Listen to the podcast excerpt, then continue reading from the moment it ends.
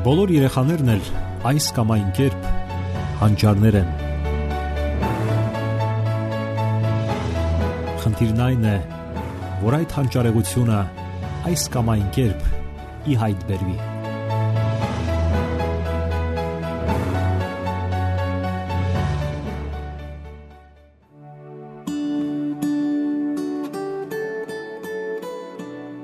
Բարև ձեզ սիրելի ռադիո լսողներ։ Եթերում դասերակցություն հաղորդաշարն է։ Դասերակցությունը միայն կարգապահական միջոցառումներ չի ենթադրում։ Դա նաև միայն երեխայի ֆիզիկական կարիքները հոգալը չէ։ Այն ենթադրում է համալիր հարաբերություններ բոլոր ոլորտներում եւ անկասկած նաև հոգեբանական հարաբերություններում։ Մեր նախկին հաղորդումներից մեկում մենք անդրադարձել ենք, թե ինչպես պետք է լսել երեխաներին։ Այդ եղանակը կոչվում է ակտիվ լսելու եղանակ, ոչ թե հենց այնպես, ինչպես ասում են зерքի հետ, այլ լսել ուրشادիր, որպես թե դուք անկեղծորեն հետաքրքրված եք, եւ դա այդպես էլ պետք է լինի։ Այնինչ մեզ անկարևոր է թվում, երեխաների համար կարող է կենսական կարևորություն ունենալ։ Դա նրանց կյանքն է, նրանց կյանքի մի մասը։ Հարկավոր է երեխային նստեցնել այնպես, որ ձեր աչքերը լինեն նույն մակարդակի վրա եւ նրան հարցնել. Դու վշտացած ես, քեզ ինչ որ բան է անհանգստացնում, իսկ միգուցե նեղացրել են։ Հնարավոր է նաև երեխան պարզապես ձեր ուշադրության կարիքն ունի եւ նա ցանկանում է շփվել ձեզ հետ։ Դուք կարող եք հարցնել. Դու ցանկանում ես, որ մենք ավելի շատ շփվենք։ Ես իհարկե բավականին գործեր ունեմ, սակայն կարող եմ ավելի շատ ժամանակ տրամադրել քեզ։ Կարիք չկա արդարանալու կամ մանրամասն բացատրություններ ներկայացնելու։ Նա պետք է հասկանա, որ դուք լսում եք իրեն եւ հասկանում, իսկ առավել եւս պետք չէ բաշկանալ ու գրգռվել։ Ասենք որ երեխաները իրավունք ունեն դրսևորելու իրենց հույզերը, սակայն տարբերություն կա հույզերը դրսևորելու եւ արարքները զսպելու միջև։ Վաղ թե ուշ երեխան պետք է կարողանա զսպել իր արարքները եւ դուրս չգա ճափավորության սահմաններից, աստիճանաբար մտնելով հասունության աշխարհը։ Ամեն ինչ պետք է կարգավորել այնպես սկսած ուսումնական գործընթացից մինչև խաղային գործընթացները, որ երեխայի դաստիարակությունը ընթանա բնականon հունով։ Հարկավոր է նրա կողքին լինել, երբ անհրաժեշտ է։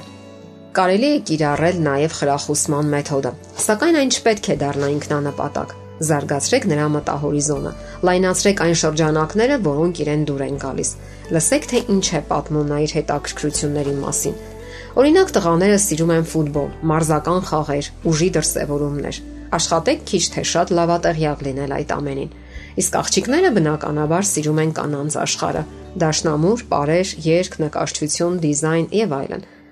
Զարգացրեք դրանք եւ երբեմն խրախուսեք հաջողությունների համար։ Եթե երեխան սովորի ամեն անգամ վարչատրվել լավ սովորելու կամ այլ հաջողությունների համար, նրան կթվա թե կարևորը վարչատրվելն է եւ դա կդառնա նրա խթանը։ Արդյունքում կխաթարվի արժեքային համակարգը, այսինքն հենց այն, ինչը դուք պետք է զարգացնեիք ու ներարկեիք նրա մեջ ճշմարիտ արժեքները վստահությունն է ու լավատեսությունը։ Իսկ այսպես ասած կաշառքի դեպքում այդ լավատեսությունը, կենսական էներգիան մարում են։ Երեխայի համար պետք է դրթապաճառ հանդիսանա հետաքրքրասիրությունը, համառությունը, արգելքները հաղթահարելու առաջ բերած բավականությունը եւ ուրախությունը։ Անհրաժեշտ է երեխայի մեջ զարգացնել առողջ պատվասիրություն եւ չփոխարինել այն ոչ մի տեսակի էժան փոխարինիչներով։ Իսկ պատիժների դեպքում հարկավոր է հաշվի առնել այն վիճակը, որի մեջ գտնվել է երեխան այս կամ այն արարքը կատարելու ժամանակ։ Դա այսպես կոչված աֆեկտիվ վիճակն է՝ ուժեղ լարվածությունը, չարությունը, ագրեսիան։ Այդ վիճակում անիմաստ է դասյարակել երեխային եւ անօգուտ է փորձել որևէ բան բացատրել նրան։ Երեխան պարզապես չի լսի ձեզ, սակայն հարկավոր է կրճատել ու դադարեցնել նրա ֆիզիկական ակտիվությունը Եթե փոքր է, նրան կարող եք նստեցնել ձեր ծնկներին, հանգստացնել ու ասել. «Նախ հանգստացիր։ Ես հասկանում եմ, որ դու բարկացած ես, սակայն պետք չէ գործի դնել բռունցքները»։ Իսկ երբ երեխան արդեն հանգստանա, սկսեք խոսել այն մասին, թե ինչ է տեղի ունեցել եւ ինչն է անթույլատրելի։ Սահմանեք կանոններ եւ ապա պայմանավորվեք հետագա պատժամիջոցների մասին, դրանք խախտելու դեպքում։ Ինչքան հնարավոր է, շուտ բացատրեք երեխային, որ կան հույզեր, որոնց իրավունքը ունեք, սակայն կան գործողություններ, որոնք չի կարելի կատարել։ Իսկ պատժի ամենագործուն ձևը երեխային իր համար որևէ սիրելի բանից զրկելն է։ Սակայն կարճ ժամանակով Եվ ասենք, որ նա պետք է այդ մասին նախորոք իմանա։ Երեխայի ինքնագնահատականի մասին մենք շատ ենք խոսել, եւ այնուամենայնիվ կարիք կա անընդհատ կրկնելու այդ մասին։ Այստեղ մի կարևոր նշում. այս ամենը պետք է սկսվի սեփական անձից, որովհետև մեծահասակները իրենք են ունենում այդ հիմնախնդիրը եւ ապա իրենց երեխաներին են փոխանցում դա։ Եթե երեխաները չեն կարողանում զսպել ու կարգավորել իրենց հույզերը, ապա մեծահասակները կարող են անել դա։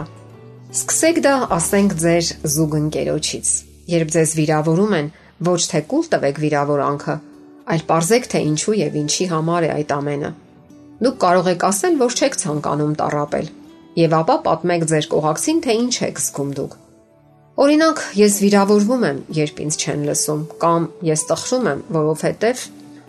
մենք բոլորս իրավունք ունենք դրսևորելու եւ արտահայտելու մեր հույզերը։ Ընդ որում, չմոռանալով իհարկե դիմացինի մասին, որ նա էլ ունի այդ իրավունքները։